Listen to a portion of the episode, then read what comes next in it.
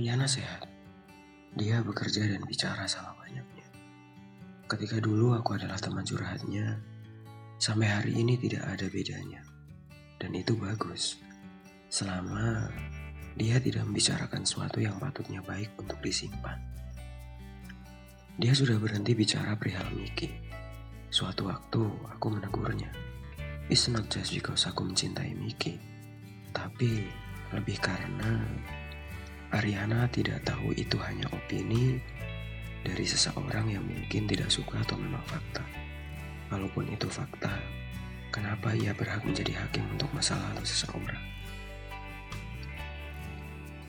Tentang kami, kita berdua masih berbagi waktu karena memang menuju acara perpisahan dan hal itu menjadi tuntutan untuk bekerja sama. Aku tidak menjelaskan apa pun pada Miki Apakah dia mungkin cemburu? Ya, tentu. Tapi dia tahu saat aku mencintainya, aku akan menjaga diriku sendiri. Dia mudah percaya, sama sepertiku. Saat orang bertanya, apa kau akan berbohong padaku? Dan dia menjawab, tidak. Kemudian tanpa prasangka aku percaya.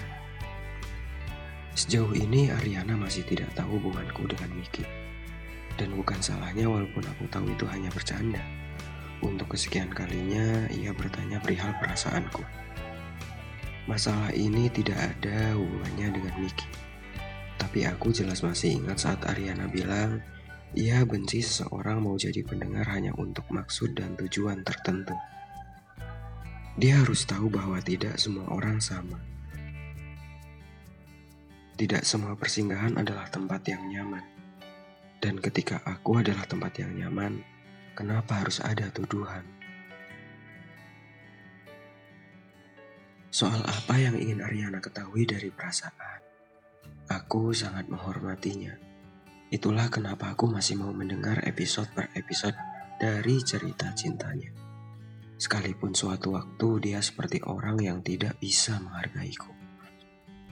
Maksudnya, seperti mengantar pulang melewati hutan dengan oks yang lampunya padam ke kampung halaman setelah sekian tahun lamanya. Kemudian dia sampai dan hanya memikirkan diri sendiri. Itu gila.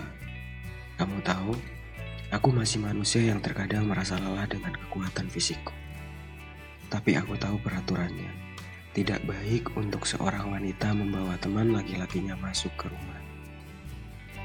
Sejujurnya saat itu aku berharap bisa rehat sejenak.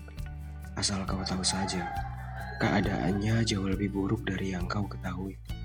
Terlebih bahwa tidak semua orang adalah pemberani. Tapi itu cukup, aku memiliki banyak alasan untuk setiap pertanyaan darinya yang butuh klarifikasi. Karena memang aku mencarinya. Pada akhirnya, dia harus paham tidak semua candaan itu layak untuk ditertawakan terlebih perihal perasaan.